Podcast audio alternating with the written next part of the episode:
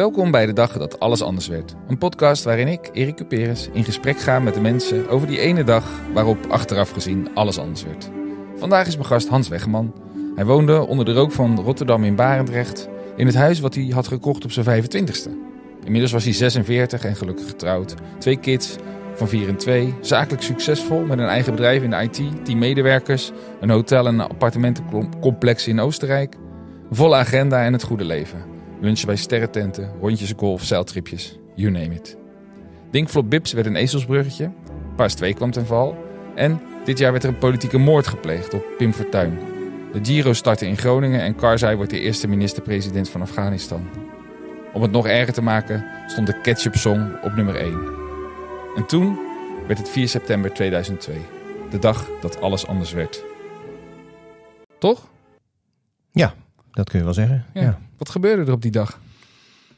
Ehm, ja wat gebeurde op die dag? Misschien moet ik vertellen wat er een paar dagen ervoor gebeurde. Als dat belangrijk is, moet je dat Eh, zeker doen. nou, dat was in ieder geval de aanleiding. Ja. Ehm, ik, was, ehm, ik was aan het golven en ik had een blo- bloedende knie en die bleef een beetje bloeden. En een paar dagen later eh, ja, bleef eigenlijk mijn kies bloeden. Ik had een week daarvoor had ik een, een eh, extractie gehad van mijn verstandskies. Ja. En dat was netjes dichtgemaakt door eh, Hans de Geit, een uitstekende kaakchirurg in Rotterdam. En, eh, maar dat bleef bloeden. Dus ik vro- vroeg aan mijn secretaresse, joh, bel die Hans even, vraag of ik garantie heb, want het schiet niet op. En dat bloeden van die knie had ik eigenlijk niet zo in verband gebracht. Maar hij keek naar dat bloeden van die kies uiteindelijk op die eh, middag. En die zei, hm, ik wil even bloed afnemen bij je. Ik zei, nou, dat moet je doen. Ja. Hij zegt, en je moet even blijven. Ik zei, nou, dat moet niet, want ik moet naar kantoor. Want ik had een belangrijke afspraak met Ja. Brinks van die geldautootjes. En eh, nou, bla bla. Dus ik ging terug. Nou, ik moest ik wel stand-by zijn. En uiteindelijk werd ik dus gebeld, s'avonds laat, dat ik de volgende ochtend om tien uur in het ziekenhuis moest zijn. En er werd niet gezegd waarom. Ja, er mo- moest eh, gecontroleerd worden. Oké. En eh, nou, daar was ik om tien uur. En eh, Maar jij dacht nog steeds dat je erheen ging voor, om een bloedende kies. Dat was niet Ja. zoveel ernst. ja, nee, dat, was, dat, dat dacht ik toen niet. Ja. Maar ik dacht wel, bloeden, wat is dat? En ik heb zo'n gezondheidsboek had ik van mijn moeder nog gekregen. Mhm. Dat was heel oud. En dan zit ik te bladeren en daar stond iets van bloedprobleem, leukemie. En daar ging je dood aan. Maar daar had je toen al Dus- opgezocht. Dat had ik toen opgezocht, Er ja. bestond toch ook wel internet toen, Hans? Ehm, ja, denk het wel eigenlijk. net net Maar- eigenlijk, hè? Ja. Ja. nou dat was nog niet zo in volgens mij. Nee. En dat boek, ja, daar stond alles in. Dus dat was makkelijk. En dat had ik toevallig staan Ja. in de boekenkast. Dus jij ging, jij ging naar het ziekenhuis met het idee, het zou leukemie kunnen zijn. Ik dacht, het zou leukemie kunnen zijn. Oké. Ja. Dus ik ging daar zitten in die stoel bij eh dokter Meijs, heette ze. En eh, die zei, ik heb slecht bericht voor je. Ik zeg, ja. Je hebt een leukemie. Oh. Ik zeg, oh. En wat zijn mijn kansen? Ik herinner me dat zinnetje nog heel goed. Mhm. Eh, dat vond ze denk ik een beetje onverwachte zin, maar ze zei 50-50. En ik dacht, oh, 50-50. En toen dacht ik, later dacht ik van, hé hey Hans, je bent van het halfvolle glas. Maar ik dacht ook, ik had in dat boek gelezen dat je maar 20% overlevingskans had met leukemie. Maar dat Ja. boek was natuurlijk heel oud. Ja, ja. En dus misschien was het wel een meevaller op die 20% of die 25%, Ja, ja. ik weet niet meer precies. Maar, wat, eh, wat, maar dat is wel... Ik, ja, nou goed, ik kan me dit niet voorstellen. Maar het is een hele bizarre gang van zaken. Je, je, je bent de ene dag nog gewoon eh, een gast met een getrokken kies. Ja. En een dag later eh, hoor je dat je eh 50% kans hebt om dood te gaan. Op korte termijn. ja, Dat lijkt me een behoorlijke eh, eh, kortsluiting veroorzaken. Ja, dat, ehm, dat, dat zou je denken. Eh, alleen ik was eigenlijk in die tijd een knokker, zeg maar. Hè? Ja. Ik was ook zakelijk druk en altijd eh, eh, ja, bezig met oplossingen en niet met problemen. Dus Mhm. ik denk, als ik nu terugkijk, dat dat eigenlijk helemaal niet tot me doordrong. Ja, de- Je dat zag het gewoon als een, als een, als een uitdaging. Ik zag het gewoon als een nieuw project. Zo van Hans wil blijven leven en Hans gaat dat voor elkaar krijgen of Ja. zo. Zoiets. Nou, spoiler alert, het- dat is gelukt, want je staat hier tegenover me. Het is nu Ja, dat is- 2022 Dat is mensen. goed gelukt. Dat heeft trouwens op heel front heeft dat niet altijd even is dat niet makkelijk geweest. Nee. Het was een echt een, een, een heftig traject. Ja. Maar uiteindelijk is het wel inderdaad is het wel gelukt. Ja. Ja. Ik had laatst ook een gesprek eh, eh, ook over nou ja, zeg maar, dat idee dat je ergens tegen vecht. En eh, de- in de maatschappij is dat nu ook zo vaak zo, en zeker bij kanker, maar ook bij andere ziektes, eh, dat het een gevecht is en zo. Maar jij deed dat toen echt. Jij ging er tegen knokken. Of ga ik te kort door de bocht? Nee, je gaat helemaal niet te kort op. Ik ging er echt tegen knokken. Ja. Dat, dat, ehm, Maar je praat ook de hele tijd in de verleden tijd. Het is ook in het verleden gebeurd, maar je zegt ook, ja, toen was ik zo. Dus dat zou impliceren dat je nu anders bent. ja, absoluut. Het heeft mij echt ja, enorm veranderd. Oké, Ja, oké. ja. nou daar komen we dan ongetwijfeld Ja. Ehm, maar toen was jij de man die daadwerkelijk geloofde. Het is een beetje het einde van de jaren negentig, hè? Eh, eh, eh, greed is good. Ehm, je kunt je eigen leven maken. Dat was toen een beetje de, toch de, de denkbare, nee, de gangbare ja, denktrand. kijk, ik, ik ben ehm, eh, opgegroeid. Mijn vader was, was best wel directief, zeg maar. En ook wel een beetje competitief. En die had ook uiteindelijk na heel veel... die had een eigen zaak overigens, waar hij met een neef in zat. En ik had hem ook zien veranderen toen hij de leiding kreeg daarin. En eh, nou, ik had zelf ook een eigen bedrijf. En, en ik ben een beetje op die manier doorgegaan eigenlijk. Ja. Hè? Dus ja, eh, winnen, winnen, winnen, zeg Ja. maar. Ja. maar eh, niet, niet Elon Musk-achtig, Nee, maar wel nee. gewoon... Maar pro- problemen die bestaan niet, het zijn uitdagingen. ja, precies. Ja, taal. ja, precies. Ja. Ja. Wat je toen ook inderdaad in alle boekjes kon vinden. De Amerikaanse zelfhulpboeken. Ja, daar was ik toen nog helemaal niet van. Nee. Maar, maar eh, nou, dat is later ook wel flink veranderd. ik heb, Nou ja, ja, het waren natuurlijk, K- Covey zelf stamt wel uit die tijd, denk ik. die Seven heb ik natuurlijk wel eh, gedaan. En, eh, en wat was het ook alweer? Management in één dag van Ja. Tichelaar. Ja. En, en dat soort dingen wel. Voor ja, Our ja. Work Week. ja, die dan weer niet. nee, nee. nee. Al jouw medewerkers wel. Nou ja, ik... Was je strenge baas? Ja, dat is een interessante vraag. Ik, ehm, als, een, als een medewerkers luisteren, dan ehm, was ik een strenge baas. Ik, ik dacht zelf van niet. Maar in hindsight, eh, ik was toen zeker net zo directief als mijn vader. Ja, ja, ja. Ik had weinig geduld. Ik was snel geïrriteerd.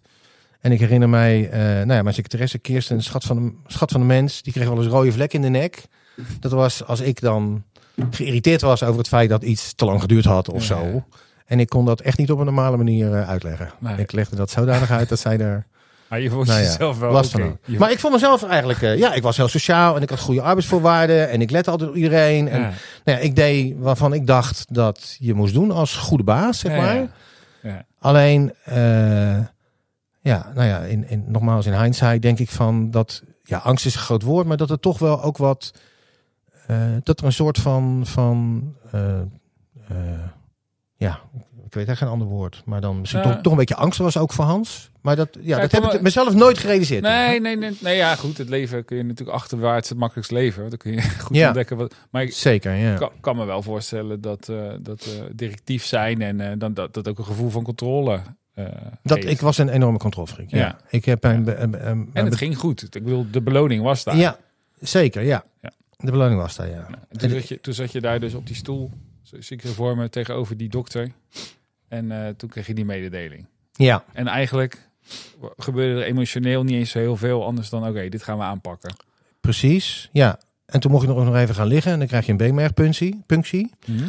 Eh, nou, ik kan je verklappen, dat is niet fijn. Dat is ongeveer het minst fijne wat er is als het gaat over eh, behandelingen. Dan stoppen ze zo'n hele dikke naald in je beenmerg. En dat Ja. gaat dan ook door merg en been. In je rug. In je rug, ja, precies. Ja. En ehm, eh, dat was dan nodig om precies te bepalen wat dan de behandeling was enzovoort. En, eh, en ik moest me dan eh, 's smiddags nog even, of gelijk daarna moest ik me eigenlijk melden in de Daniel de Hoed. Ja. En eh, nou, daar kwam ik dus. Om, Ja, ik zeg als- volmondig ja, want ik kom uit Rotterdam. Maar Daniel de Hoed was toen de tijd meest toonaangevende kankerziekenhuis in ja, on- oncologie. Kankerziekenhuis, Ja, heel. Kankerziekenhuis, nee. Ja, Oncologie-kliniek. Ja, eh, In Rotterdam en in eh, Rotterdam, omstreken. Ja. ja. zeker, ja. En, eh, en daar werd ik gelijk eh, opgewacht door iemand die zei, dit is uw kamer. En daar was ik ook niet op bedacht. dezelfde Maar dag. Absoluut, ja. Ik moest gelijk... eh, ik Want het was in- acute leukemie. Ja. Het was acute leukemie, ja, Ja, precies. Ja.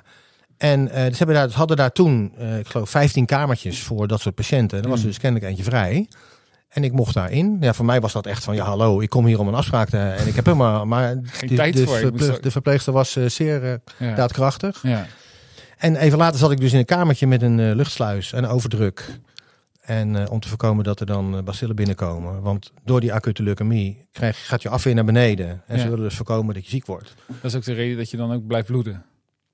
Eh, ja, die blijft bloeden omdat die bloedplaatjes ook minder worden. Ja, ja. Dus dat stolt minder. Maar het hele het bloedbeeld wordt overheerst door witte bloedcellen. En, maar goed, je afweer neemt af. Hm. Ik ben ook geen medicus, hoewel Nee. ik er daarna wel veel over gelezen heb. Maar dan meer aan de, aan de praktijkkant en niet aan de details. En daardoor moest ik in een kamertje. Ja, want elk virusje kan fataal zijn. Eh, ja, afhankelijk van, eh, van hoe het staat met die afweer. Ja. En in het begin valt er nog een beetje mee, maar even later, zeker als je die behandelingen krijgt, dan gaat je afweer gaat naar nul of Ja. naar bijna nul. Ja. En dan eh, willen ze je niet besmetten. Gruwelijk, klinkt dat. Voor iemand die zo outgoing is en zo midden in het leven en druk, druk, druk. Ja, afschuwelijk. Zeker, ja, ik herinner me nog dat voor de eerste keer mijn kinderen, die waren toen denk ik twee en vier of zo. Of, Ja. Die stonden dan met hun handjes tegen dat raampje aan en die moesten dan hun handjes wassen met, met alcohol. Ja, ik ga Ja. janken als ik niet uitkijk. Ja. Eh, om dan ehm, ja, even bij papa gedacht te komen zeggen. Dus dat was een. ehm, ja, was niet fijn, Nee, zeg maar. je wordt, je wordt letterlijk in een bubbel gezet. Ja, je wordt afgezonderd. eh, op jezelf geworpen, zeg maar. Eh, maar ja, nogmaals, ik was toen nog niet zo dat ik daar goed bij kon. Nee, Dus nee ik nou ja, ik, bij, bij mij schiet dit gelijk in mijn hoofd. Omdat, nou goed, wij kennen elkaar natuurlijk een beetje. En we zijn allebei eh, eh, bezig geweest. Of misschien nog bezig met persoonlijke ontwikkeling. En allerlei zaken die daarbij horen. En dan is zeg maar een van de eerste ontdekkingen die ik in ieder geval deed. Was, oh, ik kan eigenlijk niet zo goed met mezelf zijn. Ja, Daar was ik niet zo goed in. Nee, dat heb ik pas veel later ontdekt. Maar dat had ik toen natuurlijk wel. Ja, Dus wat deed ik? ja precies. Je werd daar in één keer, daarom zei ik, je Ja. werd echt letterlijk in één bubbel Ja. gegooid. Dus, dus ik werd eerst beetgenomen hè, van, joh Hans, eh, we moeten nog even wat sperma afnemen als je ook nog eens een keer kinderen wil. Oh ja, En eh, eh, nou, heb je een testament? Nee, oh, dat moet je misschien even regelen, want het kan best zijn dat je morgen weg bent. En nou ja, dus ik zat, ik ging in de regelstand. Dus ik ging Ja. het testament regelen als een gek. Eh, Playboy, wc-hokje in. ja, letterlijk met, de- ja, en letterlijk, ja, echt, echt. Lijkt me heel lastig. Lijkt me ook heel lastig om opgewonden te raken. Dat was echt verschrikkelijk. Wat Dat was echt verschrikkelijk. Dat was Dat echt- lijkt me het, allervervelendste orgasme ooit. Serieus. Het, ik heb er nog, eh, ik denk er nog wel eens over na. En er was een, een, een vrouwelijke arts en die begeleidde mij daarin. Echt een bloedmooie vrouw. En ik geloof dat ik ook nog een foute grap gemaakt heb. Maar het was echt, het was, het was heel erg fout. Maar ik kon dus niet in de pijn of het verdriet of zo. Nee. Ik zat gewoon in de vechtstand. Overlevingsstand. Klaar, overlevingsstand, ja. Ja. En ik zat na, na eh, nou ja, ik weet ook nog dat, dat eh, ook daar heb ik naar zitten kijken. Dat een goede vriend van mij, die had een eh, vriend verloren aan de eerste chemo. Want die was allergisch voor die chemo. Dus ik had, zat de eerste dag al, of de, de, ja, de, na de eerste nacht kreeg ik gelijk mijn eerste chemo. Jezus. Dus dan gaat er zo'n pleister op, zo'n naald in je.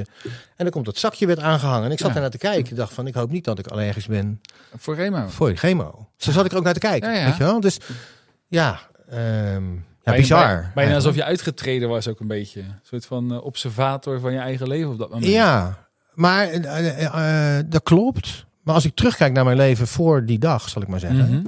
dan was heel mijn leven misschien ook wel een beetje zo. ja. Dat ik gewoon naar mezelf keek als die knul die dan iets moet doen Mhm. en iets moet bereiken en voor zichzelf moet gaan zorgen en voor zijn gezin en een ja. twee onder in kap wil en een auto. En, hè? Ja. Dus, dus iemand Ja. die niet echt zelf aan het leven is, maar wel aan het kijken naar hoe die vindt dat hij zou moeten leven. Ja. ja, of gewoon het leven leidt waarvan hij het vermoeden heeft dat dat zo hoort. Tussen aanhalingstekens. Precies. Ja. Ja. ja. Jezus man, maar het, het tempo waarin het gebeurt lijkt me ook wel. Kijk, eh chemo is natuurlijk sowieso, iedereen kent het woord en heeft er een, een idee bij. Ja. Eh, maar bij mij hoort er ook bij dat je op een gegeven moment hoort dat je dat gaat doen en dat je daar dan een afspraak voor maakt. Maar bij jou is het dus Bam, anderhalve dag later lig je ja, daar. Ja, ja. Het een rollercoaster. Je, je ja. had niet eens de tijd om erover na te denken of je het wel of niet zou willen. Nee. Het was Nee. vanzelfsprekend dat dat ging gebeuren. Precies, Ja. ja.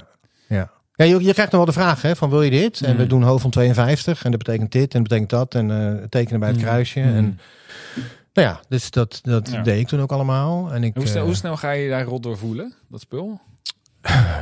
ehm, Fysiek word je daar toch heel akelig van? ja, die, je, eh, ja. Ik kan me dat eigenlijk niet eens meer zo heel goed herinneren. Mm. Je wordt misselijk, een beetje slap, Ja. flauwtjes. Maar je functioneert nog wel gewoon. Ja, ja. En tenminste, ik functioneerde niet. Er zit ook verschil tussen. Hè? Ja. Dus ik, ik denk trouwens ook wel dat mijn wilskracht geholpen heeft bij het beperken van de effecten, zeg maar, van de behandeling. En ik zat na, ik denk na, eh, dat klinkt misschien raar, maar na eh, anderhalf, twee weken zat ik alweer op mijn bed met mijn laptopje. En eh, ja, internet was toen niet zo gewoon. En in het ziekenhuis had je zeker niks. Maar toen, Toen ik. moest je eh, telefoon nog uitzetten in het ziekenhuis. Ja, nou ja, eh, je had in ieder geval geen, geen, eh, geen verbinding ook, geen internetverbinding. Nee. Maar mijn secretaresse kwam dan één keer in de twee weken langs. En die had dan eh, papieren bij me voor mij om te tekenen. Dat kon ik dan netjes doen. en ik had iemand geregeld om een straalverbinding te maken tussen de afdeling waar ik zat in de Daniel de Hoed en mijn kantoor. Want we hadden een zichtlijn. Oh, Dus je kon met zo'n wifi-versterkertje kon je een lijntje leggen. En ik had dus gewoon verbinding met internet vanuit mijn bedje. En ik heb eigenlijk gewoon die hele eerste behandeling. Dat duurde, god ik weet het niet meer. Ik denk iets van een maand of zo. Ja.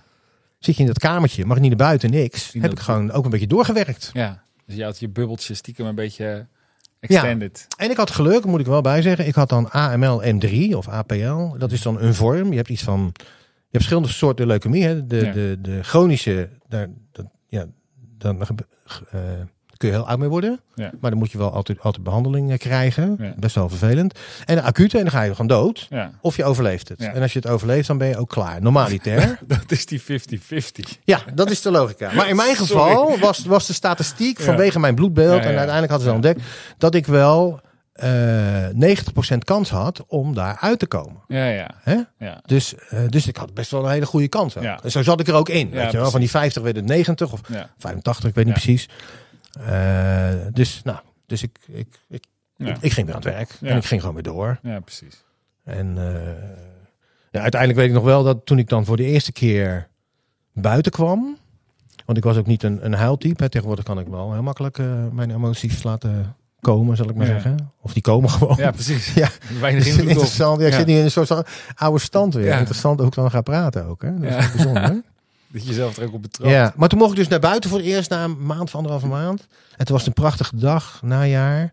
Of het was eigenlijk al bijna winter, maar het was nog wel een mooie dag. En toen zaten we op een terrasje in het Zuiderpark. En toen kon ik een wit wijntje drinken weer. En toen heb ik pff, ook wel zitten, zitten huilen. Ja. Ja. Maar Ja. dat, dat was eigenlijk een beetje nieuw voor je. Dat huilen. Dat was eh, nieuw voor me, ja. Ja. ja. Ja. Was de eerste keer van velen? Ja, ik heb daarna wel heel veel, eh, heel veel gehuild. Ja. En de, en de tweede keer, ik, eh, toen ik heel erg hard gehuild heb. Ik weet niet of, hoe snel je wil gaan in dit Nee, ja, gesprek. maar Maar, vijf jaar, vijf, ik, ik was dus uiteindelijk was ik dus beter. kijk, eh, ja, je mocht. Ja. Kijk, de dag dat alles anders werd, impliceert dat die gebeurtenis Ja. iets in gang heeft gezet in jou. Ja. En dat daardoor alles anders werd. dat klopt. Al- ja. Als het is, ik, ik werd ziek, ik ben behandeld, ik werd beter. En daarna ging ik weer door met wat ik deed. Dan zijn we nu klaar. ja. Dat is niet gebeurd. Nee, nee, oké. Nee, nee. Nou, het, het is het, eh, misschien dan interessant om even een stapje vooruit te maken. Mhm. En dan misschien een stapje terug. Eh, hoewel jij de regisseur bent, eh, hoor. uiteraard, van het hoor. interview. Maar waar ik nu in ieder geval met mijn hoofd zit, is die tweede keer dat ik, dat ik enorm gehuild heb. Ja. Eh, dat was vijf jaar later, eigenlijk. Ja. En ehm, ehm, nou, misschien toch nog een stapje ertussen. Eh, niet veranderlijk als een mens. Want ik Ja, heb ja. daarna daartussen ook nog wel een keer ook aardig gehuild. Dat was toen we na twee jaar vierden dat ik schoon was. Want Ja. ik ben dus uiteindelijk ben ik er helemaal goed uitgekomen. En na twee jaar ben je dan schoon, ben je klaar. En dan komt het niet meer terug. Die AML en die- 3. want die, maar die behandeling was ook echt alleen maar. Dat was dan wel een maand, maar dat, was, dat is eigenlijk de enige Oh behandeling. nee, nee, nee. Ik heb, ik heb drie van die maanden gehad. Dus drie Ja. keer in opsluiting. In eh, een hokje half jaar in. tijd of in een jaar tijd? In een half jaar tijd. Ja, ja. Ja. Dus een half jaar lang. de- helft daarvan heb je in dat hok gezeten. Ja, een, een derde ongeveer, ja. En, en daarna was het feitelijk voorbij. Ja, en dan kreeg ik wel pilletjes. Moest elke dag twee pilletjes. Of Ja. elke dag een pilletje en één keer in de week twee pilletjes. Mhm. En dat moest je twee jaar doen. Ja. En dan was je klaar. Ja. En dat, is, dat bleek ook zo te zijn. Ja, en toen, ik had een, een, een, eh, een hotel in Oostenrijk waar we altijd heen gingen met vrienden. Was je haar ook En- uitgevallen? Ja, stom. vraag. nee, dat is helemaal een stomme vraag. Want ook dat ging niet helemaal zoals het hoort. Nee. Laten we zeggen, mijn huid werd wel heel veel dunner. ja. En eh, mijn goede vriend Roel kwam met John ook langs. En die hadden petjes gekocht. Ja. Petjes, en daar hebben we nog enorm gelachen over Ja. hansheeftkanker.nl. En Ja, ja. enorme lol gehad. ja over die petjes, maar Ja. die heb ik uiteindelijk nooit hoeven dragen. Nee. Want ik had altijd nog wel een beetje haar. En eh, dat is eigenlijk altijd gebleven. En daarna Ja. werd het ook weer rijker en voller. Ja. Maar het is Tot de dag van vandaag mensen een hele grote bos haren tegenover mij. mensen die je niet kennen. Ik ben nog speciaal geknipt voor deze podcast. Oh, oh bleek ik geen camera's te hebben. Dat wist ik ook hoor. Ja. Maar goed. Oh ja, de 2,5 jaar later. Of twee jaar. Ja, twee jaar. Dus toen hebben wij dat in dat eh, hotel, eh, waar we met oh, ja, goede vrienden waren, Ja. 50 man zeg maar. Overigens, dat was je eigen hotel, toch? Ja, ja, dat was een eh, ja, ingewikkeld verhaal. Had ik samen een vriend gepakt. En we hadden daar nog een ander gebouw ook. Maar gewoon le- leuk detail. ja, leuk detail. En daar hebben we het gevierd. Dus dat was heel intiem en dat was ook heel mooi. En Hans was schoon en klaar. Alleen drie jaar later kreeg ik een blauwe plek. En toen dacht ik, het zal toch niet? Hmm. Eh, dus toen, ging ik, eh, eh, toen belde ik het ziekenhuis. Ik zei, joh, ik een blauwe plek. Misschien moeten we even kijken wat er aan de hand is. Toen zei ze, nou, ga maar naar de huisarts. Dus ik naar de huisarts. Nou, toen kon ik de volgende dag kon ik terecht. Nou, lang verhaal kort. Drie dagen later zat ik weer in het ziekenhuis. En was die AML M3 teruggekomen. Hmm. En ik geloof dat ik de zesde was op de wereld of zo waar dat gebeurd was. Dat Oh, gebeurde man. eigenlijk niet. Maar ik had het wel. En ehm, ja, ik had mazzel. Omdat ik was behandeld in die Daniel de Hoed. Door, eh, laten we hem Bob noemen bij zijn voornaam. Ja. eh, professor Bob. En Bob was de baas van de AML M3 wereldwijd. Dat is Ja. allemaal wereldwijd georganiseerd. En je hebt teams. En in elk team zitten dan vijf artsen uit verschillende werelddelen. En die doen dan zo'n behandeling coördineren. En al die statistiek goed bijhouden om die behandelingen zo goed mogelijk Ja. te verbeteren. Dat is eigenlijk de, wat er gebeurt. Ja. En eh, nou, ik zat bij Bob. En Bob zit helemaal vooraan in de rij. En die zei, we gaan het anders doen nu. Niet chemo, maar arsenicum.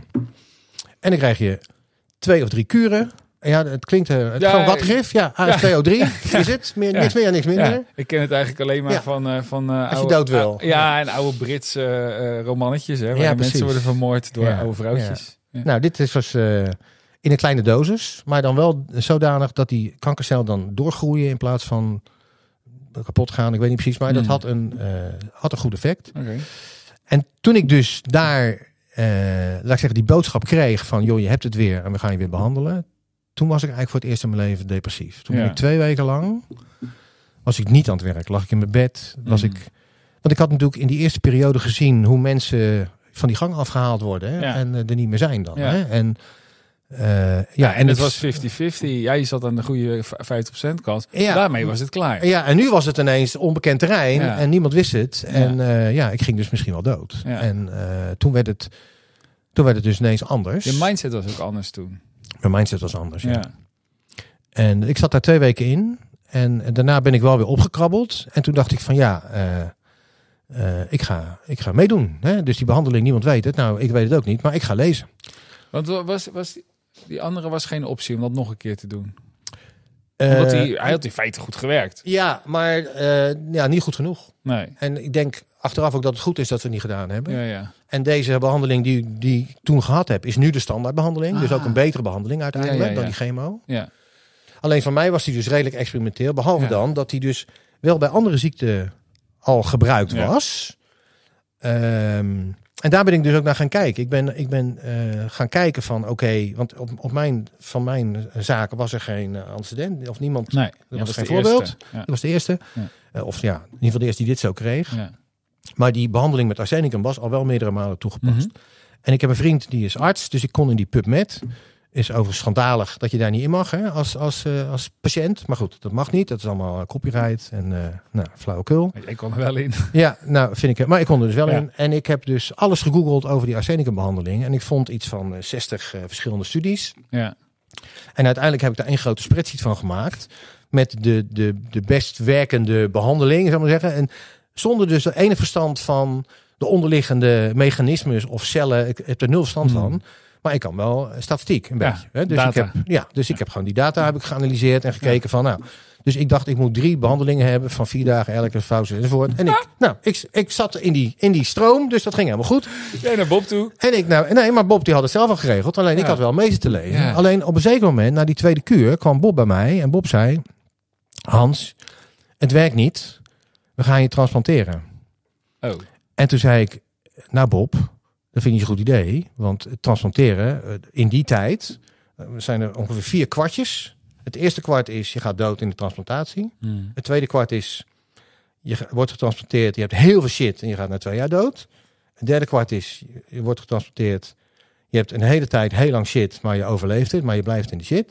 En het vierde kwart is, je hebt wat shit en je overleeft het. Nou, als je geen keuzes hebt, dan kies je ervoor Ja. en dan hoop je op het vierde kwart. Ja. Maar Als je dat- wel keuze hebt, wil je geen transplantatie. En als we het over transporteren hebben, hebben we het over beenmergtransplantatie. We hebben het over een beenmergtransplantatie met een vreemde donor, want mijn Ja. broer was geen match. Oké. En eh dit is even een beetje kort door de bocht Ja. allemaal, maar voor het plaatje. Dat ik het dus niet wilde. En dat Bob zei, ja, je moet. En eh dan zei ik, wilde het niet. Het was een Goede Vrijdag of zo. Nou, het was helemaal geen Goede Vrijdag. En, en toen is mijn grootste gevecht uit mijn leven begonnen eigenlijk. Want Bob was de expert. Mhm. En die wist het. Ja. En ik wilde die behandeling gaan voortzetten. Ik had mijn spreadsheet, stond drie van die behandelingen. Geen twee, drie. En ik kreeg maar twee. Nou, en toen heb ik heel veel geleerd in die, vecht, in die vechtpartij. Over het verschil tussen verzekerde zorg en ziekenhuisbudget. Ja. Want Bob moest dit uit zijn eigen budgetje betalen. En die transplantatie niet. Ehm, nou, de- eh, over protocollen, over... eh, de- verschrikkelijk. Maar ehm, de samenvatting is dat ik twee weken lang, van ochtends vroeg, acht uur, vroeg voor mijn doen, tot 's avonds laat, aan het werk was om te gaan proberen om ergens een kuur te krijgen. Eerst bij Bob, toen bij zijn artsen, eh, toen bij andere ziekenhuizen. India was een optie. Eh, die zakjes kosten in Nederland iets van 1000 euro. In India kosten ze een tientje. Mhm. Maar ja, ga je met je gezin naar India. Als je het niet overleeft, wat doe je dan? Weet je? ja. Dus het En waren enorme dilemma's. Hoeveel van die zakjes had je nodig dan? Eh, iets van 24 of zo. Ja, ja. 24.000 euro.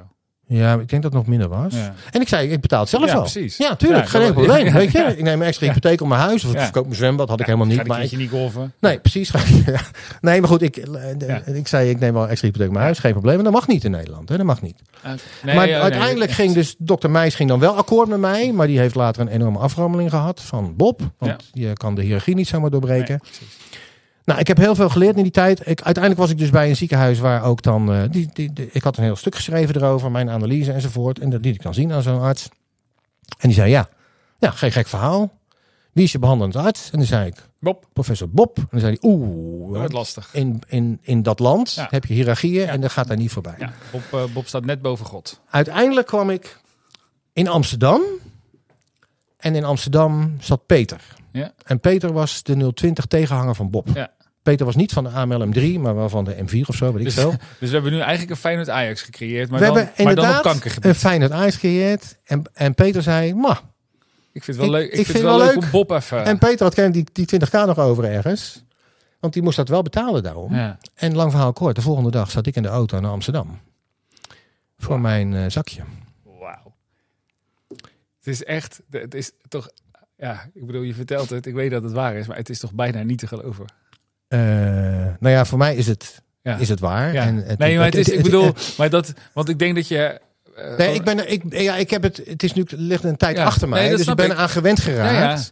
Maar ik Ja. was natuurlijk best wel emotioneel Ja, daarover ja. ook. En, En kwaad en boos boos en- en, ja. verdrietig en teleurgesteld in het Ja. systeem. Ja. En hoe dit kan Ja. in Nederland, weet je wel. Ja. En, en, en, en, en, en, en. Nou ja, en er zijn, er zijn talloze voorbeelden van, van zaken in de zorg waar dit soort dingen gebeuren.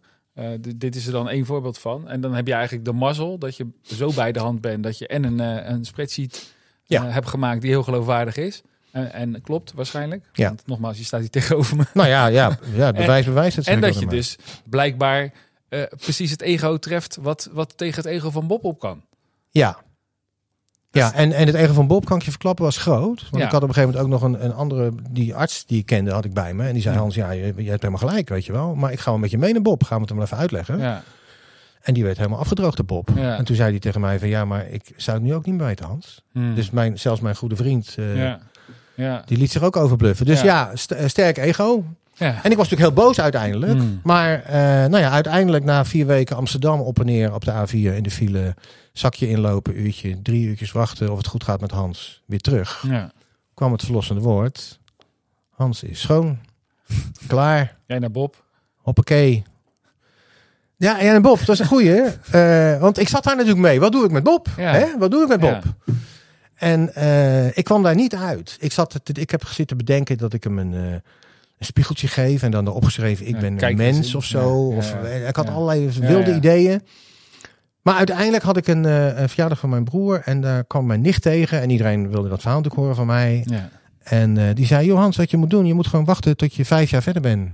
En dan ga je naar hem toe. Ja. En toen dacht ik, briljant. Ja. Dacht ik, briljant. Want, Handje. hè, de- de- de- ja. Handje geven. Dus eh, dat heb ik eigenlijk gedaan. Dus ik heb gewoon uiteindelijk ehm, vijf jaar later ging Peter met pensioen. Ja. Eh, zes jaar later was het. En toen dacht ik, ik ga naar de afscheid van Peter. Ja. Met een En boekje van en- Peter. En dan en- kom ik vast Bob tegen. Natuurlijk is Bob daar, ja. ja. Dus daar liep hij. En ik naar hem toe. Ik zeg, eh goedemiddag professor. Wat goed u hier te zien. ja. Hey, zegt hij, ja, ik ken u. U bent, eh, u bent eh, ik zeg, Hans Wegman. Ah, meneer Wegman, hoe gaat het met u? Ik zeg, ja, heel goed. Oh, fijn, fijn. Nou, en weg was hij. En toen dacht ik, oké, Dat was meer dan klaar. Klaar, dacht ik, klaar. Ja. En, en er zijn nog wel eens mensen die zeggen, ben je niet boos op Bob? En dan zeg ik, ja, ik ben boos op Bob. Maar eh, je moet je voorstellen dat toen Bob aan dat vak begon, Hm. ging 80% van de mensen dood. Ja. En wat deed hij? De helft een blauwe pil, de andere helft een rode pil. Ja. 70% van de mensen dood. Oh, een lichtblauwe pil, een Ja. donkerblauwe pil. Ja, ja. 60% van de mensen dood.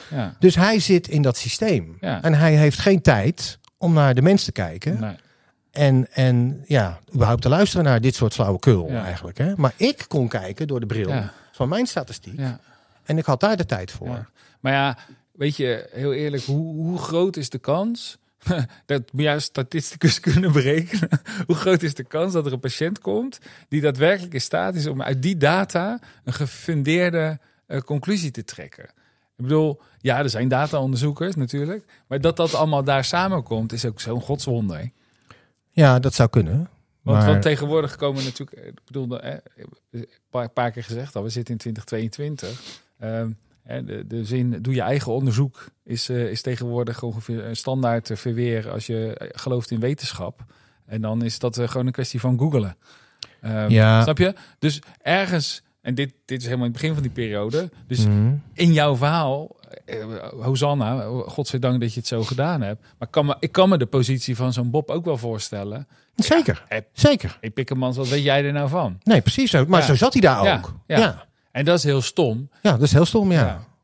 Ja. Ik heb Maar- het zelf heel klein meegemaakt. Eh, ik heb een reuma-aandoening. En eh, ik had een soort dieet gevonden waarvan ik dacht dat het wel eens wat zou kunnen doen. En toen ik dat tegen mijn reumatoloog zei, toen knikte ze lachend. En toen zei ze, ach ja, het kan nooit kwaad om gezond te eten. Ja. Ik zei, nee, maar ik ga stoppen met de medicijnen. Ja. Dan ga ik even kijken wat... Nee, maar dat moet je niet doen. Het is nu net in balans. Nou, ik heb nooit meer medicijnen gebruikt. Dat Nee, is al zeven jaar geleden. Nee. Maar het is nergens aangetekend. Het is natuurlijk veel minder eh, spectaculair dan het verhaal met Bob. Ja. En, en bovendien, omdat Peter erbij betrokken was, is dit wel een, eh, een, eh, een nieuwe behandeling geworden. Uiteindelijk, ja, precies. Ja. Ja. Hoe mooi is dat? Ja. Hè? Dus ik heb, ik, Ja. ik, heb, ik heb me gelijk kunnen bewijzen. Nou, ik- niet interesseert me. Hey, maar dat Rotterdam, Maar- Amsterdam dat er ook nog in, Hey, maar dat Rotterdam Amsterdam er ook nog in zit, is natuurlijk ook, is natuurlijk toch ook fantastisch. Dat, ik bedoel, ja, dat, is eh, waar. Ja. En ik ben sindsdien ook een flink Amsterdam fan geworden. Ik je net zeggen. Maar ik ben nog wel Rotterdammer in hart en nieren. Kan je horen ook. Ja, maar, zeker. Ja. Ja. ja, dat was natuurlijk ook wel kut, dat je gewoon elke keer in Amsterdam moest rijden. Ja, ja op die A4. Ja. Ah, Gelukkig wel een redelijk gunstige tijd, maar het Ja. was niet een, eh, een pretje. ja, Maar voor een heel goed doel. maar ook, ik vind ook de manier waarop je het daarna hebt afgehandeld. Want ja, ik geloof ook helemaal niet in wraak. Jij ook niet volgens mij. Nee, nee. Ehm, en genoegdoening. Ik denk dat hij dat echt wel gevoeld heeft.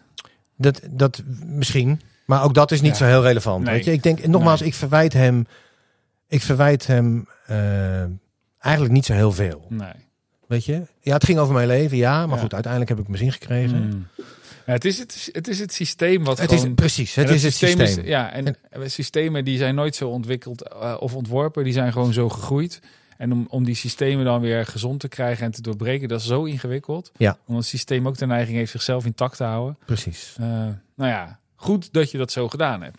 Maar toen, want er is wel iets in jou veranderd. Want inmiddels eh, hoorde ik al, je was geen vechter meer toen het de tweede keer kwam. Althans niet meer die vechter van de eerste keer. Nee, nee. Dus er was al iets veranderd Ja, ik ben na die eerste keer, ik denk eh, ook door een, een, een serendipity hadden we het wel eens over. Nou, dit is ook echt serendipity.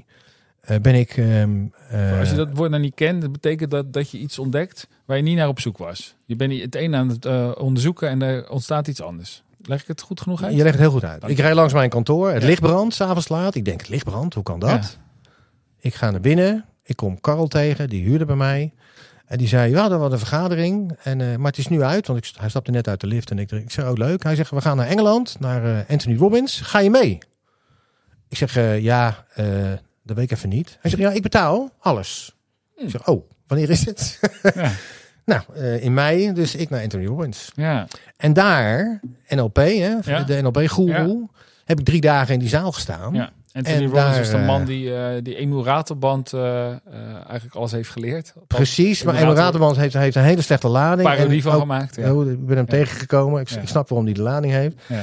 Ehm, maar die, die Anthony Robbins is echt een fantastisch Ja, man. geweldig. En die neemt je mee. En, en eh, ik lag daar op een gegeven moment echt enorm te janken op de grond. Ja. Over janken gesproken.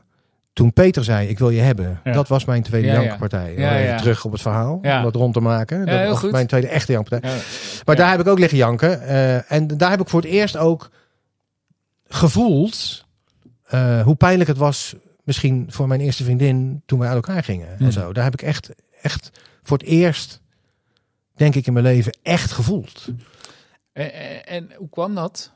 Ja, omdat, omdat eh, hij deed zo'n voice-over met je. Eh, Dus hij zei, eh, lu- eh, luister eens even naar mij. Ga eens niet in de weerstand. En Ja. doe, ga met me mee. En ik dacht, nou... Ik kon toen kennelijk al een beetje die controle loslaten. En ik heb dat een keer gedaan. En daarna heb ik... Wat voor, dingen, wat voor soort dingen zei hij dan? Ik, heb- ik weet het echt Nee. niet meer. Ik Nee, weet het echt niet meer.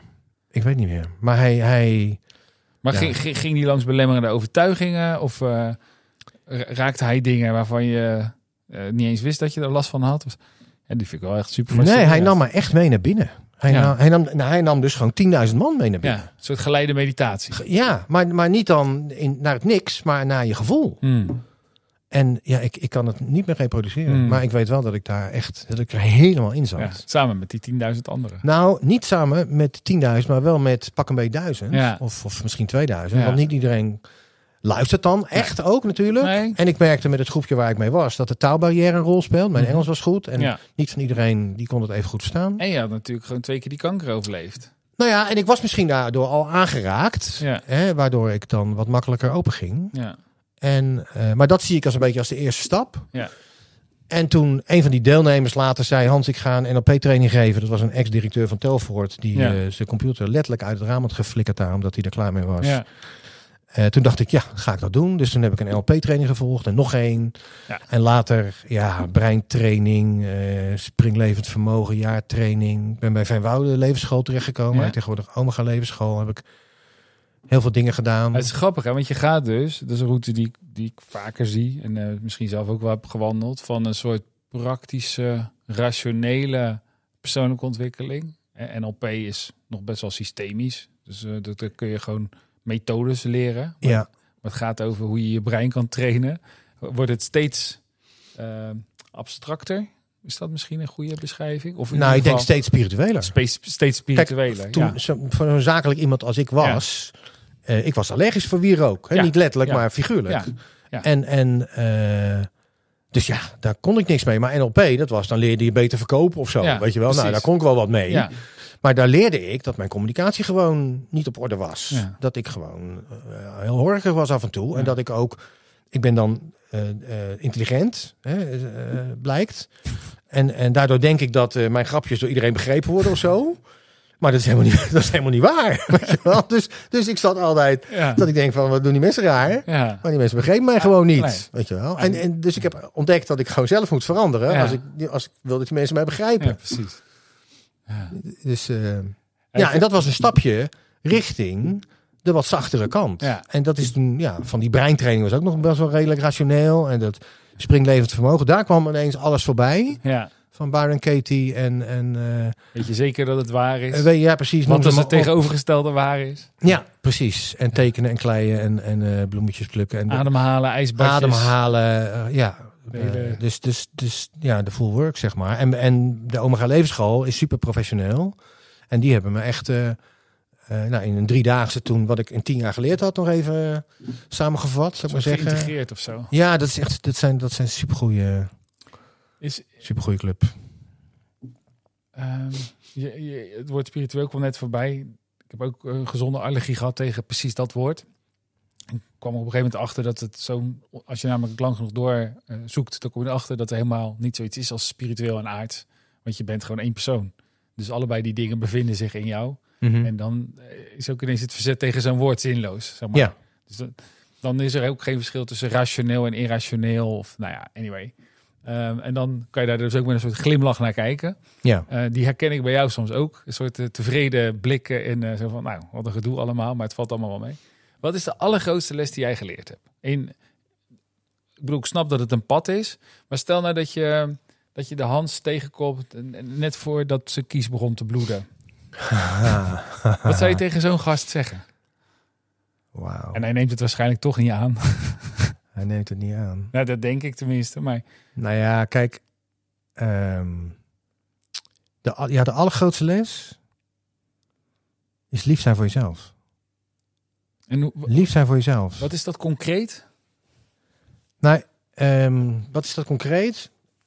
Ik, ik, laat ik een voorbeeld geven. Jan Geurts, die heeft daar een mooi boek over geschreven. Verslaafd aan liefde? Verslaafd aan liefde. Ja. Fantastisch boek. En eh, die zegt daarin, als je nou, dat, we kennen dat allemaal. Dat je, hè, suffert, waarom doe je dat nou? Weet je wel? Mhm. Als je dus zulke dingen tegen jezelf zegt, maak je jezelf kleiner. Ja. En dat helpt niet, want je bent een tien. Weet je wel? Iedereen is een tien. Alleen we, we zien onszelf soms als een vier, of als een één, of als een acht, of als een negen. Maar iedereen is een tien. We zijn, en dat klinkt heel zweverig voor mensen, maar op het moment dat je, nou ja, dat je, dat je het leert inzien, is het gewoon zo waar als, een, als het maar zijn kan. Ja, wacht even. Want, eh, Ik ga te snel. Ja, nee, Ja. maar dat, dat- dat- daarom eh, dat geeft Ja. niks. Want dit is Grijp namelijk... in. Nee, nee. Kijk, ehm, ik denk dan, hè, er, zitten, er zitten mensen te luisteren nu en die horen jouw verhaal en die zijn misschien geraakt door het, door het, eh, door het ziektedeel. En eh, nu komen we op een, op een heel ander stuk uit. En misschien zit iemand te luisteren die zichzelf maximaal een 7 vindt. Eigen- Eigenlijk ook al heel lang. En misschien zit er wel iemand te luisteren die een 4, die zich leven, eh, zijn of haar leven op dit moment als een 4 ziet. Ja. En jij zegt met vrij grote stelligheid, jij bent een 10. Ja. Je bent een 10. Dan is dat dus de les die jij hebt geleerd, zou ik zeggen. Ehm, ja, en ik heb geleerd hoe ik daar ben gekomen. Ja. Want als jij zegt van, wat zou je zeggen tegen die Hans, Ja. ook al hoort hij niet. ja, Ik zou zeggen wat Jan Geurt zegt. ja. Als je, als je tegen jezelf zegt dat je niet deugt, wat we dus eigenlijk de hele dag ja je best wel vaak je doen. bent niet goed genoeg. Je bent niet goed genoeg. Ja. Hè? Dat krijgen Ja. we ook mee in de opvoeding. Hè? Want we- ja, hoezo die vijf op je rapport? Hè? Niemand begint over die tienen, maar altijd Nee. over die vijf. Dus we zijn niet goed genoeg. Dat is, zo groeien we met z'n allen. Ja. Nou, ik denk dat ook anders kan, maar dat is een heel andere discussie. Nou nee, eh, dat is deze discussie. Oké. wat mij betreft. nou ja, goed. Maar dat, Ja. nou, dat is uiteindelijk heb je ook een punt in. Eigenlijk is dat waar. Want Jan Gut zegt van, als je dat nou zegt tegen jezelf, dan zeg je, geef niks mag best. Oftewel, als je jezelf niet oké vindt, dan, dan, dan, dan vergroei je dat. Dan maak je dat, je maakt het lief. Je bent Ja. lief voor jezelf. Ook als je iets doet wat je eigenlijk niet oké vindt. Eigenlijk door dat zinnetje geef niks, mag best, sta Juist. je jezelf toe om fouten te maken. Juist. En als je dat maar vaak genoeg doet, en bij mij duurde het volgens mij iets van drie jaar of zo, Mhm. dan kan je op een gegeven moment lachen. Echt, echt lachen. Ja, Als je herkent dat je in een situatie komt waar je van je vroeger zou zeggen, hey, suffert. ja, En waar ik dan nu om moet lachen. ja, En dat betekent dat ik dus gewoon veel liever ben voor mezelf. ja, En guess what? Als ik lief ben voor mezelf, ben ik lief voor de mensen om me heen. ja. Dus als je kijkt naar Hans Wegman, tien jaar geleden, ik was prima baas, vond ik zelf. Mhm. Maar, maar als ik kijk naar mezelden nu, dan twintig jaar geleden. twintig jaar geleden, ja, Je ongelooflijk. ziet er heel jong uit. Dankjewel, dankjewel.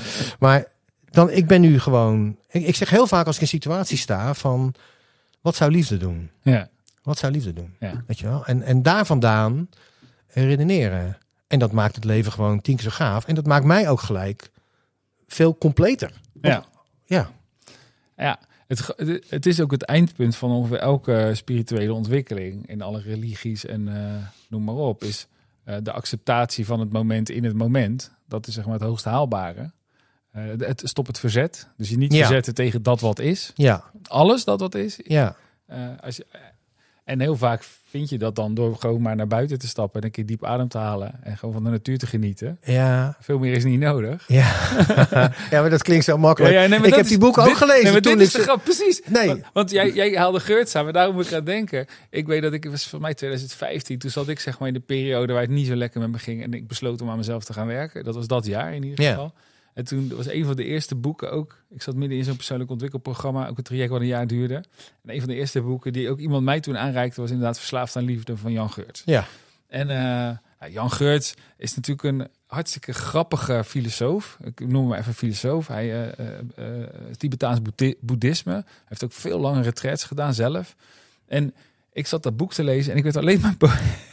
ik moet er heel erg om lachen. Ik werd alleen maar boos. De hele Echt waar? Ja, ik was zo... Alles wat hij schreef vond ik stom. oké. En dat kwam omdat ik een interview met hem had gezien op eh, YouTube. En hij zat in zijn eentje in, of in een caravannetje ergens op de Veluwe. Ja, En, eh, en ik, was, ik voelde me namelijk zo eenzaam in dat moment, omdat ik had gekozen om, eh, om ehm, ja, aan mezelf te gaan werken. Ik, had zoveel, ik was op dat moment zoveel mensen kwijt. En ik voelde me zo alleen. En, alles, en toen kreeg ik dus een boek van iemand. En, en daar, daar stond van alles in over dat je lief moet zijn voor jezelf. Ja, ja, ja, en ik zag alleen maar een oude kerel in zijn eentje in een caravan zitten. En ik dacht, wat een lul. Ja, Lang verhaal kort, een paar Ja. jaar later, ik lees dat boek nog een keer. Ik dacht, oh, wat een wijsheid. wat een wijsheid. Het is, ja. Ik vind een van de aller, allermooiste leraren in Nederland. Zo simpel Maar weet en je. Het, is, het, het probleem is, ook, ook als je begint met dit hele traject, wij, wij, hebben getra- wij zijn getraind om gevaar te zien en om enge dingen te zien. Hè? En dat zit in ons leven. Dus, dus wij, wij triggeren steeds als we iets zien wat niet klopt. Hè? Ja. Dus jij, als ik naar voorzitter zit te kijken, Ja. had ik vroeger, en dan zag ik, dat dit klopt niet, dit klopt niet, Ja. dit klopt, kan beter, alles kan beter. Als ik in een les zat, hoe, spiritueel die leraar ook was, dacht ik, ja, dit doe je echt niet goed, jongen. Dit, dit klopt niet, hè? Zo zat ik erin. Terwijl op het moment dat ik leerde dat ik me moest overgeven, of Ja. nou, dat ik niet dat het moest, maar dat als ik me overgaf, Ja, ja. dat ik alleen maar de mooie dingen eruit kon Precies. halen, Precies.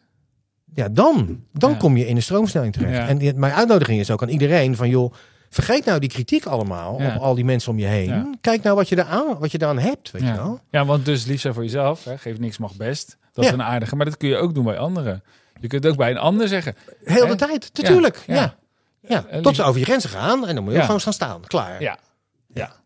Maar even zo goed, dan kan het nog steeds gewoon betekenen dat het niks met jou te maken heeft. Weet je, dat die ander over jouw grens heen gaat. Ja, waarschijnlijk heeft dat niks met jou te maken. Nee, maar gewoon met die ander. Nou ja, Nee, of, met, of met jouw grens, want die kan ook wel eens. Ja, eh, zou bedoel, nog kunnen. irritatie is ook Ja, van jezelf en niet van de ander. Hè? Ja. Ja, ook een lastige boodschap is voor veel mensen. Ja, maar het is grappig, want... oh, nee, grappig, dat is mijn stopwoordje. Ehm, je, je bent nog steeds een vrij eh, directe Rotterdamse gast. Ja. Met, dus daar is eigenlijk niks veranderd. Alleen er zit ineens een laag onder, die nu ook heel makkelijk naar buiten komt. Ja, ja, dat is wel interessant ook. Want ik heb vrienden van voor de, Ja. de datum, zeg Ja, maar. En ja. van ook van de laatste vijf jaar. De mensen die mij de laatste vijf jaar ontmoet hebben, ja. Ja, die, die kennen mij zoals ik nu ben. ja, Maar de mensen van vroeger zien nog steeds ja, ja. die man van vroeger. ja. En, Ja. en dus het, zoals ik me aan de buitenkant presenteer, Hmm. is kennelijk niet zodanig veranderd. Dat zij inzien dat ik, ja, dat ik echt gewoon heel anders geworden ben. Ja. Weet je wel? Dus, en dat, dat was in de tussenfase waarin ik zelf nog wel eens dacht van... Potverdikkie, snap dat nou? Mhm. Weet je wel? Daar had ik, had ik dus irritatie op kennelijk. Ja, want ja, ik wilde natuurlijk ook gezien worden. En, eh, en gehoord. En eh, kijk nou hoe goed ik het gedaan heb. Weet je wel. Nu ben ik pas echt... ja, eh, ja, ja. story of my life. Ja. Weet je wel? Ja. ja. Dus om dat los te laten, dat is, dat is nog de grote uitdaging. Grappig hè? Ik, ik kan me ook wel herinneren dat ik op een gegeven moment een soort conclusie had van, oh, maar nu, het is eigenlijk bijna zo hetzelfde als dat het vroeger was. Alleen nu snap ik waarom het zo is. Ja. Dus ik had mezelf leren kennen, ja, letterlijk. precies. Ja. En, en daardoor Ja. was heel veel gedrag wat eronder lag niet meer nodig. Ja. Maar aan de buitenkant, ja, was echt vrij weinig te herkennen. Nee, klopt, ja. Wat echt anders Ja. was. En wat me nu er binnen schiet, want je zei wat zou je mensen meegeven? Ja, Ehm, en, en- en dankzij COVID is dat voor mij eh, eh, ook echt flink ook weer ingedaald, extra. Is eh, hang uit met jezelf. Hang uit met jezelf. als in Dus nou, als in niet altijd maar druk met Nee. dingen, eh, ja. toekomstgericht, eh, beter, beter, verder, Ja. verder, meer, meer. Maar gewoon ga zitten. Gewoon doen ze nu niks. Gaan ze op strand lopen. Gaan Ja. ze in de tuin zitten. Gaan ze een boek lezen, weet je. Ja. Ja, ik, ik, ben, ik, ben, ik ben, was eigenlijk overgeschakeld van druk werken naar eh, druk spirituele ontwikkeling. Ja, ja. De ene cursus naar de andere. Ja. Het ene boek naar het andere verslond ik. ja, dat past ook wel bij je. Dat past Je- ook wel je bij wil me. En ook ik heb, doen Ik en- heb die drive, zit ook in mijn systeem. hè? Voor een deel is dat ook mijn redding, anders had ik hier niet gestaan. Hè? Dus die drive ben ik ook heel dankbaar voor. Alleen het stuk waar die drive dan omslaat in stress. Mhm. Ik ben ervan overtuigd dat mijn ziekte de oorzaak is, veroorzaakt is door stress. Ja. Hè? Dus dat de oorzaak van leukemie stress is gewoon. En dat mijn hele leven daarvoor eigenlijk geleid heeft tot die ziekte. En natuurlijk is er ook iets met eten en met Mhm. leven en met eh, genen. Maar, maar eh, ik denk dat stress een belangrijke factor is. En ja, zoals ik nu in het leven sta, merk ik soms nog wel dat ik daar nog last van heb. Omdat het ook in mijn systeem zit. ja. Maar, maar daar waar ik, het, waar ik het merk, dan... Voel je, voel, voel je stress ook fysiek? Voel je gewoon eerst in je lijf spanning en daarna je, eh, kom je er daarna achter dat het er is? ja, nu, nu wel, maar vroeger dus niet. Vroeger Ja. voelde ik niks. Nee, Nee. En nu voel ik het wel. Ik denk, hé hey, Hans, dus Ja. je, voelt- ja, die spanning, je Ja. voelt gewoon. Ja. Ja. grappig hè? Ja. En, Ja, interessant. Ja, ja, nee, ja, ja, ja, ja, heel interessant. Maar ik denk, ik, ik- ja, je kunt het leven dan achteruit wel een beetje verklaren, maar je kunt natuurlijk ook nooit echt precies weten hoe het toen was en hoe het zal zijn of zo. Die, dat als, als die ziekte er niet zou zijn geweest, of je dan anders had gehandeld. Dus die ziekte is een soort leraar geweest, zou je kunnen zeggen. Ja, een reset. Een reset. Een reset. Met name die tweede. Die eerste Ja. was niet genoeg. Ja, dat is echt, ik ging gewoon door. Dat is Ben- ook ben- naast maar dit is trouwens ook wat je leert in de spirituele wereld. Dat eh, patronen blijven zich herhalen totdat hetgene wat, dat, wat het patroon daadwerkelijk veroorzaakt Ja. eh, wordt aangepakt. Dus Ja. blijkbaar was de eerste keer dat het patroon zich aandiende, eh, was niet genoeg. En moest je het inderdaad nog, nog een tweede keer doormaken. Met, Kennelijk, een, ja. met, met een iets Ja. andere mindset. Ja, kennelijk. Hoewel het wel na de eerste keer was dat ik toch al begon hè, met NLP Mhm. en zo. Dus misschien, je- misschien je- ben ik te streng. Heb, je- heb je daarna, ja, dat is misschien ook wel een ding van jou, dat je wel streng kan zijn voor jezelf. Hey. Ja. Ja. Heb je daarna nog een, eh, nog een, een eh, grote epiphany gehad? Dus je, je vertelde net Tony Robbins, dat was dan de, toen ging het nog via de zakelijke kant. Is er nog een soort doorbraakmoment geweest? Of is het echt wel een geleidelijk pad van steeds een beetje, beetje erbij? Nou ja, stapjes, stapjes. Maar eh, nou ja, wat ik net zei, Omega Levensschool, het fundament. Ja. Hè, dus een, een tiendaagse. En, eh, en daarna heb ik nog een aantal malen geassisteerd of mogen assisteren. Dat Ja. is ook heel mooi. Maar ik weet nog in dat fundament dat, ehm, eh, nou ja, dat ik me op een gegeven moment realiseerde. Want mijn, mijn oordelen waren heel scherp, ook op anderen altijd. Ja. En, en Ja, je bent toch super intelligent? ja, dat, ja, dat- Je doorziet het vrij snel. ik kan snel schakelen. Ja. Ik kan snel denken. Dat Maar heeft vrij eh, voordelen. Ik ben creatief daardoor ook. En ik ben daardoor ook ja, in staat, als je die patronen ziet, om heel snel te oordelen. Ja. Fantastisch. Alleen dat werd dan ook vaak veroordelen. Ja. Hè? Dus ik had bijvoorbeeld een enorme allergie op ijdele mensen. Mhm. Nou, guess wat? Dat heb ik dus ook in me, weet ik inmiddels. Hè? Echt? Ja. Nou, Zeker weten. Alleen dat zag ik toen helemaal niet. Maar ik zag wel ijdelheid. Dat slaat helemaal nergens op. En tijdens het fundament leerde ik, ook door het zelf te moeten uiten in een oefening, echt waanzinnig interessant. Echt een enorm kwartje. Van al die talenten, al die eigenschappen. ja. Hè, dus, dus het grootste narcisme, wat dan ook. Het heeft allemaal waardes. Ja. En als je daarnaar kunt kijken door de bril van hoe gaaf. Hè? Natuurlijk heeft Tina Turner enorme ijdelheid. Natuurlijk. Maar daarom Ja. staat ze daar ook. Als ze niet ijdel was, was ze- had ze daar niet gestaan. Precies. Was die fantastische muziek er niet Ja. geweest. Hè? Nee, exact. Dus, dus eh, fantastisch. Ijdelheid Ja. is fantastisch. Ook Ja. de ijdelheid in mij is fantastisch. Ja. Al die eigenschappen in mij, waarvan ik nou niet altijd even enthousiast word. Hè? Als ik er naar kijk. Zijn best, toch fantastisch. Ja, Ja. precies. Ja. Dus hoe mooi is dat? Ja. Dat is toch, dat is, Ja, ja, ja. dat is een cadeau. Als je jezelf kan om, omarmen hè, met, Ja.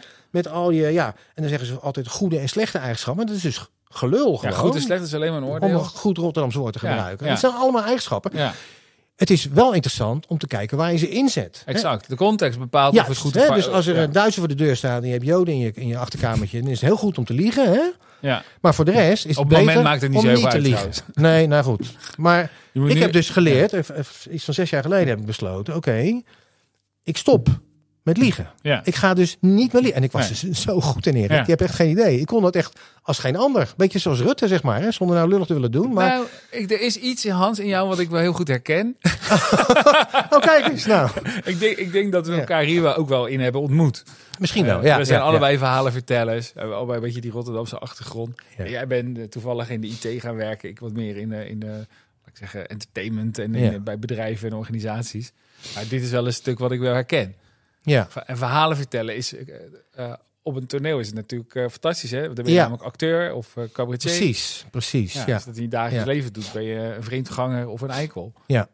Ja. Maar het, is, het, is, het, vergt, het vergt heel veel zelfonderzoek om.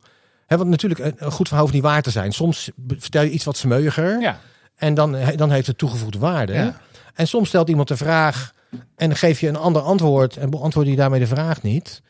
En eh, dan denk, kom ik later toch op terug. Ik denk van, hé hey, Hans, dat was liegen. Weet Ja, je ja. wel? En ik wil niet liegen. Nee. Tenzij Maar- het ver- verder niet zo belangrijk is. Dan- volgens mij is liegen ook altijd bedoeld om, om eh, iets intact te houden. Dan wel een kans of een mogelijkheid, dan wel een, Ja, of, een of harmonie imago. bewaren. Ja, Of, eh, ja, ja. Je, je liegt eigenlijk nooit voor de ander. Ja, dat zeggen mensen wel eens. Ja, ik deed het om jou te beschermen. Dat is ook gelul. voor mij doe je het. Omdat je zelf bang bent. Gewoon, ja. Liegen is altijd voor, voor, is Ja. altijd voor jezelf. Je wilt de confrontatie niet aan. Tenminste, in mijn geval was dat vaak de, de- ja, of je wil iets behouden, of je wil iets zien voor elkaar te krijgen. Ja. Ja. Ja, maar ja, ik, ik, ik heb ergens in mijn kernwaarde onderzoek ooit eens geschreven, genadeloos eerlijk. En dat klinkt dan heel hard, maar, Ja. maar genadeloos, da- daar hoort dan wel bij dat je soms wel mensen de waarheid vertelt. Eh, Ja. over de ander. Niet om de ander kapot te maken. Het mag ook met, eh, met lieve woorden. Ja. Eh, maar je, moet, je moet niet weggaan van de waarheid. Nee, volgens mij. Daar zit voor mij nog wel een leerschool, omdat ik die lieve woorden dus... Die woordenschat ken ik nog maar kort, zeg maar. Hmm. Dus ik ben dan soms wel voorzichtig ook. Als iemand vraagt, wat vond je nou van? Dan Ja, vind ik dat dus lastig om dat ook gelijk scherp te ja zitten. maar, maar je hoeft het toch ook niet altijd... Nee, zeker niet. Nee, Toch? maar als je in, als in ik- een team ik- zit met evaluatie Ja, of zo. ja. Of, of, Als ik naar een voorstelling ga die ik echt ruk vind en iemand vraagt en ik ken de maker en die zegt tegen me wat, wat vond je ervan, dan zeg ik ja, ik vind het zo knap hoe jij dingen maakt. Weet je, Ja. dat is dan, Nee, oké. Ja, dat hangt vanaf. Als Ja. ze, als, soms vragen ze door. En Ja. dan, eh, dan, dan, dan maar dan ik- merk ik dat, het ook lastig, dat ik het lastig vind om dat dan goed te benoemen. ja, maar, maar ik vraag- dan kan je ook nog toestemming vragen. Wil je het echt weten? Ik, dat doe ik ook wel eens. Het echt weten? Ja. je sympathiek antwoord? Ja, nee, zeker. Ja, ja, dat is ook een goede. Ja, En de zeker. meeste mensen waar ik zo close mee ben, die willen het dan toch weten. Ja, ja, precies. Ja, en als ze sympathiek antwoord willen, dat kan ook. dat, dat kun je daarna namelijk niet meer geven. Nee, precies. Ik vond het heel interessant. Ja, ja, ja interessant. Ja. Boeiend vooral. Hoe Ja. ik denk aan die grap van eh Herman Vinkers over die baby. Een hele lelijke baby. Ja, ik heb een truc bedacht. Dan zeg ik, dat is een mooi kind. Nou, ik kwam laatst bij mensen. Die hadden een mooi kind. Het is het mooiste kind dat ik ooit heb gezien. Daar moet ik dan aan denken. Ik heb nog nooit zo'n mooi kind gezien. Geweldig, geweldig. Goed. Of eh, ja, zo'n lief kind. Ik heb nog nooit zo'n lief kind gezien. Hm. Ehm, eh, nou, leuk spiritueel ontwikkeling, super belangrijk. Oh ja, daar hoort nog iets bij. Ik wil er even naar vragen. En misschien wil je er helemaal niet over praten. Maar dat is ook zo'n eh, eh, zo'n ding. Dat vind ik zelf ook een heel interessant onderzoeksgebied. Tantra. Dat wordt helemaal in de, in de, in de sekshoek eh, gehangen. Eh, als je gaat googlen, dan kun je, weet ik veel, voor 150 euro kun je een, als man een tantra-massage krijgen ergens. Ja. Ehm, eh, de, niet zo lang geleden is er ook weer een of andere tantra-school in Amsterdam in een behoorlijk eh, eh, slecht daglicht gekomen. Omdat de tantra-master eh, ongeveer de hele club had eh, misbruikt. Ja. Ehm, maar er zit ook een enorme scheppende energie in. Ik noem het even de seksuele e- energie. Misschien heb jij daar betere taal bij. Ehm, en, en ook vooral. ehm, zo, dit wordt echt super verwarrende vraag. Maar misschien moet- kun je er dadelijk wat chocola van maken. Ik hoorde laatst ook een. eh, een ik denk dat het. Byron Katie was of iets in die hoek. Maakt, maakt even niet uit wie het was. En dat ging over dat eh, eh, mannen, met name die vreemd gaan, eh, en, en een, soort van seksverslaving hebben, daar gaat het eigenlijk niet om. Maar het gaat er meer om dat ze niet weten hoe ze zich anders moeten ontspannen. Dus een, hele lange route, maar een orgasme, dat is dat ene moment waar de Fransman van zegt, le petit mort. Dan ben je even stil in je hoofd, waar je normaal heel lang voor moet mediteren. dus die verwarring, eh, zeg maar, tussen rust en eventjes even niks aan je hoofd en van de wereld. En de kracht die erin zit. Het, het spel van het veroveren. Er zit zoveel energie op. Ehm, volgens mij komt er heel veel gezeik door. Eh, nou, wat, wat kan de tantra ons daarover leren? Want ik weet dat jij daar goede eh. ervaring mee hebt. Ik, ga Nou, ik weet niet, ik weet niet, water nemen. ik weet niet wat ik van je vraag moet maken, Erik. Maar ehm, kijk, tantra was voor mij onderdeel van die spirituele ontwikkeling. Mhm. hè? Ehm, ik heb ehm, ja, ja, Het is leuk dat ik een ja, hele lange nou ja, vraag stel nee, en dat jij stil ik, bent. ik zit, ik zit nu, ik heb nog, ik heb nog tijd, wel een belangrijk stuk meegemaakt. Wat ik, wat ik me afvraag of dat nou handig is om dat te delen. Ja, dat moet je niet doen als je het niet wil. Dat is helemaal niet Eh, erg. nou, ik zit er nog even over na te denken. Ja. Het is wel best wel persoonlijk. En eh, dit, hier hoor, hoor- dit horen meer mensen, denk ik Ja. zo maar. ja. Eh, maar misschien in algemene termen, omdat het dan alleen aan mij hangt, Ja. zeg maar, is dat misschien toch wel nuttig. Kijk, ehm, ik was ook niet eh, heel open met mij. Met, mij, met mijzelf. Oh, Siri bedoelt, moet ermee. Eh, met Dus- mijzelf. Dus ik was niet heel erg in contact met mezelf. Nee. Maar ook niet helemaal oké met mijn eigen lichaam. Nee. Ik, eh, ik dacht overigens dat het wel zo was. Want we hadden Ja. keurig altijd drie keer in de week seks. En dat ging Ja, allemaal ja, prima. En. Alleen, dat was eigenlijk eh, niet intimiteit. Nee. Ehm, dat Nee. ontdekte ik toen, toen mijn hart wat verder open was gegaan. Ehm, nou, dankzij die ontwikkelingen. En dankzij, moet ik zeker niet vergeten, Inger, mijn coach. Ja. Eh, vanaf die tweede behandeling, een jaar later, ben ik, heb ik een coach gevonden. En die heeft mij tien jaar lang eh, fantastisch geholpen. Waar ik mijn ei langzaam kwijt kon. En die heeft mij geholpen ook, als een soort rode draad in mijn leven. om mijn hart verder te openen. Zo cool hoor. En- Tien jaar lang ook. Ja, tien jaar Wauw. lang. Ja, Ja. fantastisch. En ik weet nog de eerste keer dat ik bij haar was, dat ik zei, hoeveel, eh, hoeveel, hoeveel sessies hebben we nodig? en toen zei ze, een stuk of zes, denk ik. en toen bij de achtste was, dacht ik van, nou, dit wordt langer, maar het is wel oké. En uiteindelijk, nou ja, ben ik op een gegeven moment mee gestopt, omdat we ook wel klaar waren, zeg Ja. maar. Maar dat was heel mooi en heel fijn. Dus ik had een, een uitlaatklep waar ik alles mee kon delen. Ja. Alles. Mijn diepste gevoelens Heel ook. veilig, Heeft heel, dus mijn hart ging open en ik werd op een gegeven moment verliefd. Straalverliefd. Ja. Op iemand 22 jaar jonger. Nee. Terwijl ik net aan het verhuizen was naar mijn nieuwe woning. Oh. En een stormachtige affaire, hals Ja. over kop, helemaal waanzinnig. Ik, het was zelfs zover dat ik dacht, ik, ik, ik stap uit mijn leven, ik ga met deze vrouw eh, verder. Ja, ja. Maar goed, twee kinderen. Uiteindelijk, dat- die openheid ging toch ook naar mijn kinderen. Dus ik had zoiets van, Ja. die verantwoordelijkheid, dat gaan we niet doen. Dus Nee. uiteindelijk hebben we in overleg besloten om daarmee te stoppen. Nou, dat was nog wel een heel verhaal, best wel heel lastig ook, Maar zo'n affaire is ook een soort, soort tijdelijke gestoordheid of zo. Een beetje soort Ja, maar het was voor mij ook wel. Zij heeft mijn hart echt geopend. Ja. En, en, en doe ik heb het zelf gedaan, Ja, dus een ja. projectie. Maar Ja. zij heeft met haar is ben ik open gegaan, Ja. heb ik echt leren voelen. Ja. En ben ik ook heb ik een flinke klap gemaakt ook. Mm. Eh, Niet per se aan te raden Nee. aan iedereen die luistert, Nee, maar wel precies. heel fijn voor mij in ieder geval. Ja. Ehm, en daarna eh, heb ik besloten om die verliefdheid die ik voor haar voelde, om die op mijn vrouw te richten. Ah, En, eh, en dat werkte. wauw. Dus, dus ik, die, die moment, en ik had dus met haar dat ik in bed lag en dan s'avonds bij mijn vrouw in bed, weet je, Ja. heb ik tijd gehad. Dat is Ja. natuurlijk gewoon absurd. Dat was Ja. overigens voor de goede orde, ik vertelde dat niet, hè. Nee. Dat doen we niet in Nederland. Nee. Vreemd vertellen niet, want dan kom je thuis en dan komt de advocaat. Ja. Dat willen we niet. Dus ik had dat voor me gehouden. Maar uiteindelijk is die relatie met mijn vrouw veel eh, beter geworden. Zo ben ik ook met Tantra in aanraking Mhm. gekomen. Want dankzij ehm, Peter Kleine, of eh, Peter Kleine, Theo Kleine, Ja. een van mooie tantraman in Tienhoven. Ja. eh, die deed fantastisch Kashmirische massages. Zijn wij daarin in die wereld geraakt, zeg maar. En later ook met, eh, hoe heet het? Jan de, ehm, nou, naam schiet me even, Janne Carolien. Mhm. En nog, nog een aantal tantra-leraren allerlei trainingen gedaan en workshops gedaan. En zijn we helemaal vrij geworden met ons eigen lijf. En Ja. die verliefdheid, die stroomde als een gek. En uiteindelijk hadden we niet alleen maar drie keer seks in de week, soms zelfs drie keer per dag. Mhm. Maar ook heel veel intimiteit. Ja. En, en dat was waanzinnig. Dus Ja. wij hebben ja, een soort, dat huwelijk hebben we ineens enorm laten opleven. Maar wel... eh, Maar blijkbaar was er dus een, een, laat ik zeggen, er was ruimte in jou, de, je hart stond open, er was verlangen. En toen kwam er iemand voorbij, daar kon je dat op projecteren. Dat werd een stomende affaire. Maar er bleek dus ook blijkbaar nog allerlei behoeftes te zijn die jij al lang was mij. vergeten. Absoluut. Ja. Ja. En waarschijnlijk ook bij je vrouw. Maar ja, aangezien Absoluut. jij dat niet aanwakkerde, zij het ook niet. Want zo gaan die dingen. Nee, zo gaan die dingen, ja. En dat besluit dat je, dat vind ik wel heel interessant, dat je besloot om die verliefdheid op haar te richten, dus op je vrouw te richten. Ja. Hoe was dat gewoon een soort rationeel, nou dan ga ik doen. En lukte Ik dacht, dat ik ook? ga dat proberen. Ja. Ja. Omdat ik dacht van, ja, dat, ja misschien is dat wel... Maar het grappige is, dit, is, of dit is nou, nee, maar dit is volgens mij nou precies zo'n les die je kan leren van het luisteren naar zo'n gesprek. Eh, waarvoor je niet eerst dat hele stuk met verliefd en vreemd gaan. Maar volgens mij als je nu zit te luisteren en je denkt, ja, ik vergeet gewoon soms af en toe hoe leuk ik mijn eigen vrouw vind. Omdat je gewoon, ja, dat gebeurt nou eenmaal. Je, Ja. je leeft je leven, je doet je ding. En je Ja. vergeet gewoon eigenlijk hoe gaaf je dat mens naast je vindt. Ja, En als je dat, en het mag andersom ook, hè, als je vrouw bent en je, dat heb je bij je kerel ook, die vond je ook ooit woest aantrekkelijk.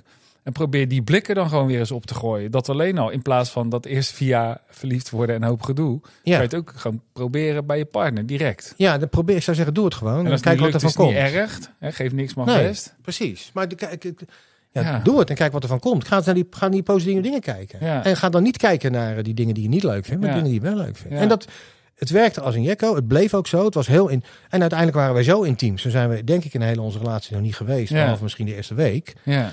Dat, dat ik dacht, ik moet dat geheim verklappen. Dat moet er dus uit. ik moet dat vertellen. Ja. Dat moet weg. Ja. Ik wil niet meer liegen. Ja, Weet je wel? ja, dat snap ik. Maar je zou dus ook kunnen zeggen dat die intimiteit op dat moment niet helemaal echt was. Die intimiteit was waanzinnig. Die was echt echt. En toen ik het verklapte, was er op zich ook niks aan de hand. Oké. Alleen er was wel een bom. Ja. En die bom, een zweer, zeg maar, Ja. die bij haar groeide. Ja. En eh, Vertrouwen. Vertrouwen, ja, Ja. vertrouwen. Ja. En eh, nou, uiteindelijk, ja, zij heeft daar misschien iets andere blik op. Maar als ze het luistert, dan, eh, Mm. dan weet ze dat we daar misschien niet over eens zijn. Maar wat mij betreft kreeg ze toen een verkeerde coach. Mm. En die zei, eh, je kan beter weggaan met die hand of zo, Ja, weet ik veel. Ja. En uiteindelijk zijn we toen na een heel traject ook, hebben we uiteindelijk toch besloten om te gaan scheiden. Ja. Wat eh, nou ja, achteraf eh, misschien niet had gehoeven eigenlijk. Nee. Hè? Alleen eh, nu het achter ons ligt, ja, is het ook wel weer helemaal oké. Ja. Ik heb een fantastische nieuwe liefde sinds eh, drie jaar en twee dagen. Hey, hoe leuk is dat? Ongeveer. Ongeveer. Nee, ongeveer precies. Bizar, man. Dat vind ik, echt, dat vind ik bizar. Ja, Ja. Grappig. En ehm, ehm, Hoe ben je nu met je ex? Ja, helemaal goed. Ja. Helemaal goed. We gaan eh, vanavond uit eten Leuk. met het gezin weer. Het- Ja. dus Ja. de kinderen en eh, ex. Dus dat gaat helemaal prima. Ja. En dat is ook heel fijn. En, eh, maar alleen het was een lastige periode. Ja. Ja, zo'n scheiding En, is eh, natuurlijk altijd een lastige periode. Maar het heeft wel, ehm, eh, nou, het, het heeft mij ook veel gebracht. En ik, ja, ik denk ook haar wel. Maar goed, het, het, Ja. het is, er zit ook pijn op. Ja, tuurlijk. Ja. tuurlijk. Ja, dit zijn ook van die zaken waarvan ik me kan voorstellen. Dat, eh, het gaat zoals het gaat. En dat is niet per se hoe je eh, eh, had gewild dat het is gegaan. Nee. Maar ja, je, je had ook niet gewild dat je eh, leukemie kreeg. Nee, zeker niet. En ik had, maar ik heb dus wel, want ik heb dus met die verliefdheid ontdekt dat ik polyamoreus ben. Hè? Dus dat Ja. ik prima van meerdere mensen tegelijk kan houden. Dat heb ik Ja. in die periode daarna ook actief gedaan, zal ik Ja. maar zeggen. Ik, ik ben nu monogaam. Ja, ik wil zeggen, dat, dat is, is meer dat, dat is iets omdat anders. het zo is, gewoon nu. Dat Ja. is niet omdat ik veranderd ben. Ik Nee. ben nog steeds volgens mij Ja, polyamoreus en ik heb absoluut geen behoefte. Ik heb Nee. gewoon, ik heb mezelf nu de helft van de week. En ik heb Iris een andere Ja. deel van de week. En dat is echt, dat, is, dat is voor mij een vervuld stuk nu. ja. En daar ben ik heel blij mee.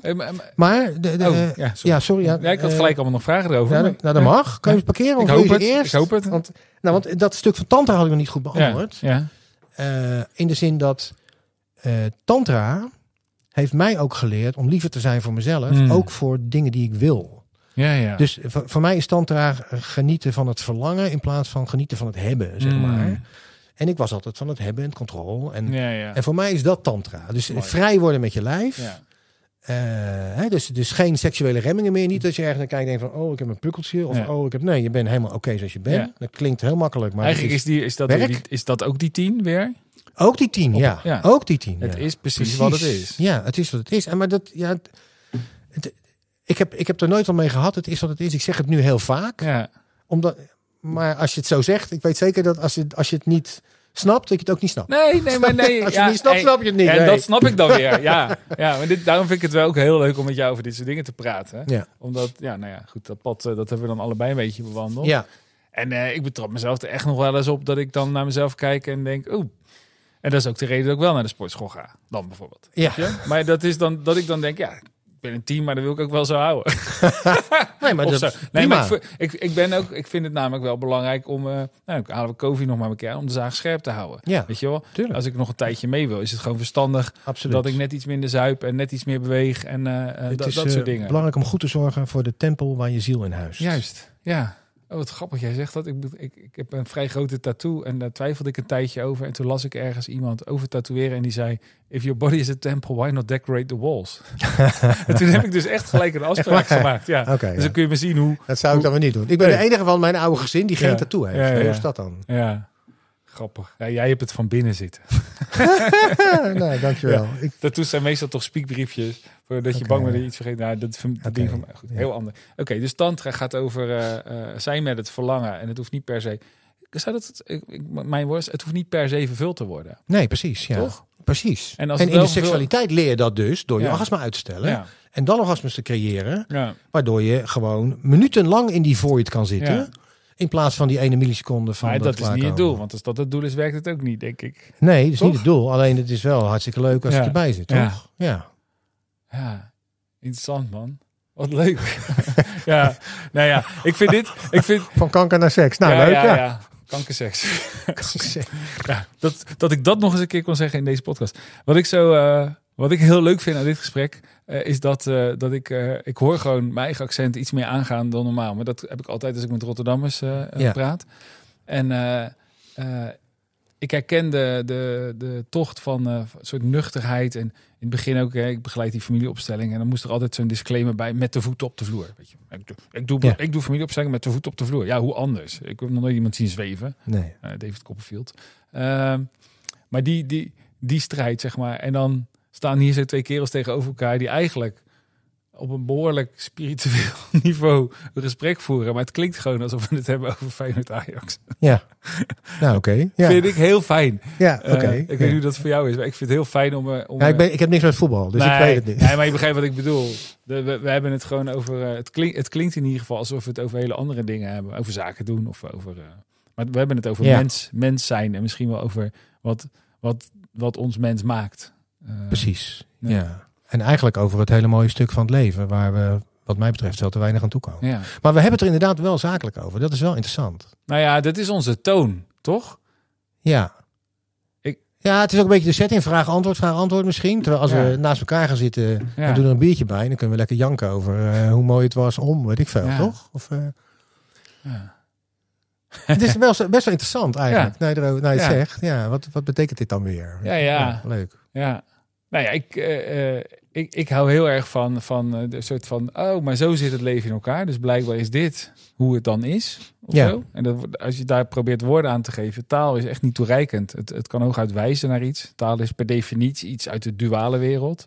En als je gelooft in een soort non-dualiteit... Hè, dat de mens... Het ego bestaat niet. Er is, zit niet iemand in je hoofd die aan het roeren is. Dus alleen maar een soort waarneming van wat er gebeurt aan emoties en Mhm. gevoelens en, en gedachten. En zelfs deze stroom woorden die er nu bij mij uitkomt. Ik bedenk ze niet, ze komen er gewoon uit. Ja. Ehm, eh, vrije wil, bestaat dat dan? Of, eh, Ja, nou, ja, ja, et cetera, et Dus maar tegelijkertijd eh, leven we ook gewoon in deze maatschappij. En, da- en dan is het heel handig om te doen alsof het ego wel bestaat. Alsof, je, alsof er wel iemand aan het roeren is. Alsof, Ja. je, alsof je wel keuzes maakt. Ja. Omdat je anders nihilistisch kan worden of zo.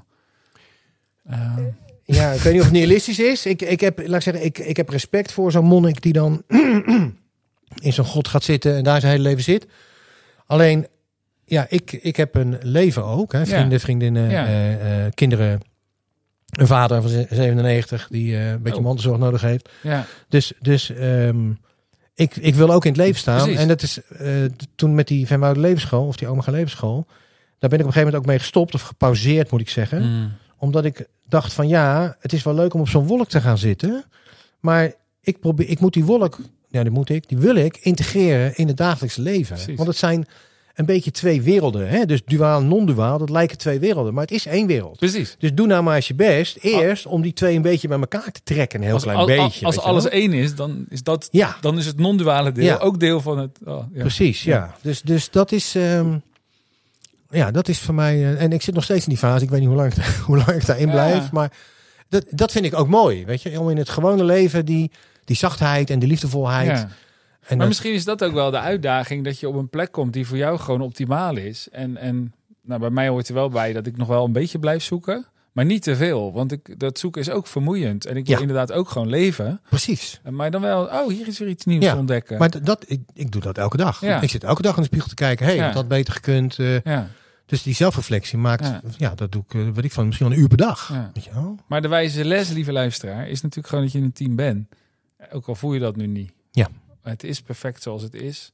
En je mag altijd proberen om het dan nog een beetje te Ja. verbeteren. En de, en de kunst is om dat te gaan ontdekken. ja, geeft niks. Het mag best. En wel best. En jij had er eh, twee keer uh, leukemie voor nodig. Ja. Misschien. Of Ja. misschien niet, dat weten we niet. Dat weten we niet. Je hebt het in ieder geval gehad. Maar ik kan eh, nog steeds heel fijn huilen als ik sta te dansen en ik denk ik leef. Weet Ja. je wel? Dan ga ik, en ik voel hem nu al komen, hè? Ja. ik leef. Dus, en hoeveel Ja. mensen hebben dat? Dus dat is een cadeau. Dus ik, ik, ben, ik kijk dankbaar terug naar die klote periode. Ja. Ja, ja. Je- Het is, dat is ook zo... Ik vind dat soms ingewikkeld aan deze gesprekken, Hans. Dat, eh, eh, er komen veel mensen eh, die reageren... Ja, ik wil graag met jou praten over de dag dat alles anders is. En heel vaak zijn het trauma's. Zijn het echt grote gebeurtenissen. Ziektes, eh hersentrauma, vliegtuigongeluk. En, ehm, en de les is eigenlijk altijd dezelfde. Namelijk, eh, oh god, leef je leven, man. Wees blij met wat er is. Ja, Geniet van, eh, van de kleine dingen. ja, maar, neem jezelf niet te serieus. nee. En volgens mij wisten we dat daarvoor ook allemaal al lang. Maar we deden het niet. Maar blijkbaar heb je die, tik, die draai om je oren nodig om erachter te komen. Ja, het zou leuk zijn als de maatschappij een keer die draai gaat maken. Want volgens mij zitten we allemaal zo in de wedstrijd, omdat het een soort wedstrijd geworden is. Zou dat, niet, zou, dat niet, zou dat dan niet de crisis van nu zijn? Dat vind ik dan een mooie korte om af te sluiten. Gewoon, is dat niet gewoon de draai om de oren van de maatschappij? De uh, eerste corona en dan nu uh, de energiecrisis, de oorlog in de Ja. Oekraïne. We krijgen nu je- gewoon een paar draai om onze oren. Je ziet wat we ermee doen. Ik bedoel, als je, als je nou, als je aan God zou vragen, vier jaar geleden, God, we hebben een probleem. We hebben overbevolking, we hebben vergrijzing, we hebben eh, allerlei problemen. Stuur een oplossing. Ja, Nou, en die stuurt corona. Ja, je mag het niet zeggen natuurlijk, want het is een beetje lullig. Maar mijn vader is 97 en die Ja. steunt deze uitspraak. ja. Dan God, stuurt God corona. Ja. En wat gaan we doen al in de paniekstand? Gaan we Ja. iedereen uh, Ja, maar dat is omdat- uitgezochte Hey, maar luister, dat, dat is omdat wij denken dat we beter weten dan God. Ik ken een gast die ging gewoon met, met een of ander uitdraai van een Excel-sheet naar zijn dokter om te zeggen: Ik moet deze behandeling hebben. Ja, maar die dokter voelde zich God en dat was God niet. En God zit net zo goed in mij als in hem. Ja, ja, ja. ja. In, in, mijn, in mijn godsbeeld, zou ik maar zeggen. Oh ja, wacht even. Ik ben van de God, God van Einstein ben ik. Dat was ja. heel bij de hand te zwaar. Ja. Ja, ja, afgezien daarvan. Ja. Mooi man. Ah, nou, ik heb nog duizend vragen, maar we zitten al op eh, een uur en een kwartier. Kun je je Oh, voorstellen jeetje, dat we zo lang hebben gekletst? Nee, dat kan me niet voorstellen. Nee. Lekker hè? Het is echt Nee. waar. Nou, nou, nog heel even. Wat voor soort dingen doe je nu naast werk? Want Oh. ik kan me zo voorstellen dat werk een stuk minder belangrijk is. Nou, ik heb me een beetje verhapt. Ik was, ehm, ik, er kwam drie keer een oproep langs voor ehm eh, penningmeester van eh, Burning Man. Ja. En ik ben in 2013 ook naar Burning Man geweest, een paar Ja. keer. Super gaaf. Ja, Super gaaf in de woestijn in eh, Nevada. ja. En eh, eh, toen dacht ik, ja, dat kan ik. Hè. Ik was ook penningmeester van het Permanent Matter Festival. En ik zit in kastcommissies. En ik Ja. ben als ondernemer, heb ik stand van geld een Je bent, je bent goed met Excel-sheets. Nou, ik ben goed precies. Ja, Ja. precies. Dus Ja. ik dacht van, nou, als je echt iemand nodig hebt. Nou, voordat ik het wist, was ik penningmeester. Van de grote uh, Burning Man. Burning Man Nederland. Dus Burning Man in. Amerika. En je hebt één eh, subsidiary, dat is. Burning Man Nederland. Oh, de rest van de wereld heeft dat niet. Maar wij cool. hebben dan een echte club. En uh, Ambi-stichting trouwens. Hè. Als Ja. je de kunst hard, warm hart toedraagt, zou ik zeggen, eh, stort wat. Stort aan Hans. Aan, aan Ja, en als je wat wil Ja. weten, stuur een mailtje naar hans.wegman.org. Dan komt het, goed. Het in de, ik zet het in de show notes. Zet het in de show notes. Of hans.burningman.nl, dat kan ook. Cool. Daar gaan we door mee doen. Ehm, en als je wat wil bijdragen aan onze festijnen, kan dat natuurlijk ook. Maar inmiddels, inmiddels ben ik dus voorzitter geworden. Ja. Dus ik heb nu een, eh, ja, dat is best wel een serieus vrijwilligersbaantje. Mhm. Eh, en ik dacht eerst, ik ga dat een paar maanden doen, maar dat, nou, ik ga dat twee jaar doen, heb ik bedacht. Ja. Eh, het eerste jaar om wat dingen te veranderen en, en te verbeteren en eh, ja, een toekomstdingetje neer te zetten. En Ja. dan het tweede jaar om te kijken wie mij gaat opvolgen. Ehm, dus daar ben ik best wel druk mee eigenlijk. Ja. Eh, en mijn zaak nog. Alleen, ik heb nu nog maar twee medewerkers, dus we zijn een heel stuk kleiner geworden. Ja. Maar goed, dat kost ook nog wel wat tijd.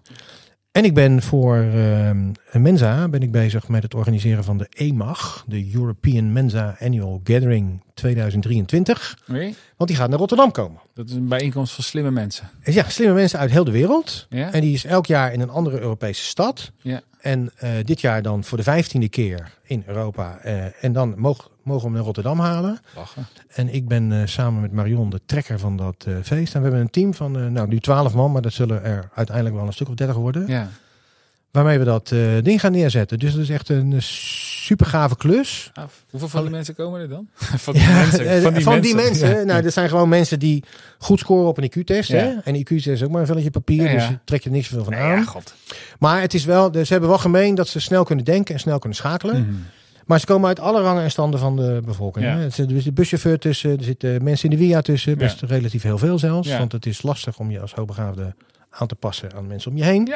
En mensen om je heen doen het ook niet natuurlijk. Nee. Dus ja, logisch. En, ehm, maar er komen pak een beet. Wij, wij, wij mikken op duizend. Ja. Maar 500 zijn er zeker. Dus Ja. het, 800 Lachen. komen er. En uit de hele wereld. Uit de hele wereld. Ja. Ik ben super grappig om daar cabaret voor te maken. Nou, je bent bij deze uitgenodigd, eh, Erik. Om mijn hele Nee, maar je te bent uitgenodigd. Nee. We hebben een lezingenprogramma, een uitjesprogramma. Ja. We hebben kunst in het programma.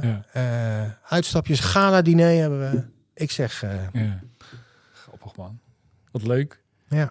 Wat leuk. Dus vrij- vrijwilligerswerk erbij. Maar dan... eh, vrijwillig, ja, nu, nu een tandje te veel eigenlijk. Ik Ja. ben nu, maar mijn uitdagingen zijn nu eh, samenwerken en delegeren. En dan zou je zeggen, samenwerken, dat lukt toch wel? Nou, ik ben meer van het commanderen geweest in mijn Mm. zakelijk leven dan van het delegeren en ook niet van het samenwerken. Ik pak of erboven of eronder en Mm. gelijkwaardig is voor mij een eh, uitdaging. Dus Nou, maar dit, ja, ik, ik denk dat ik dat wel snap. Want eh, wat je net beschrijft, weet je, als je gewoon eh, net iets sneller denkt dan de rest, iets sneller verbanden legt en ook nog eens eh, gewoon op, oplossingen bedenkt die werken, dan ben je vaak net iets sneller dan anderen die dat niet hebben. En dat is gewoon niet goed of fout. Alleen dan wordt het heel vermoeiend als je daar de hele tijd op moet wachten. Ja, maar dat, als je dan dus met twaalf van dit soort mensen in een team zit. en die hebben dat allemaal. Dan hoef ik jou niet uit te leggen hoe dat verkeerd gaan. Ja, ja ik, Snap je? ik denk dat ik bij mensen ervoor zou kiezen om gewoon iedereen echt een heel duidelijk afgebakend taakje te geven. Nou, dat is ook precies waar we nu voor staan, wat mij betreft. Alleen eh, die vergadering hebben we dan weer ehm, donderdagavond. Superleuk. Hey, eh, ja, dankjewel. Eh volgens mij eh, was dit eh 4 september 2002.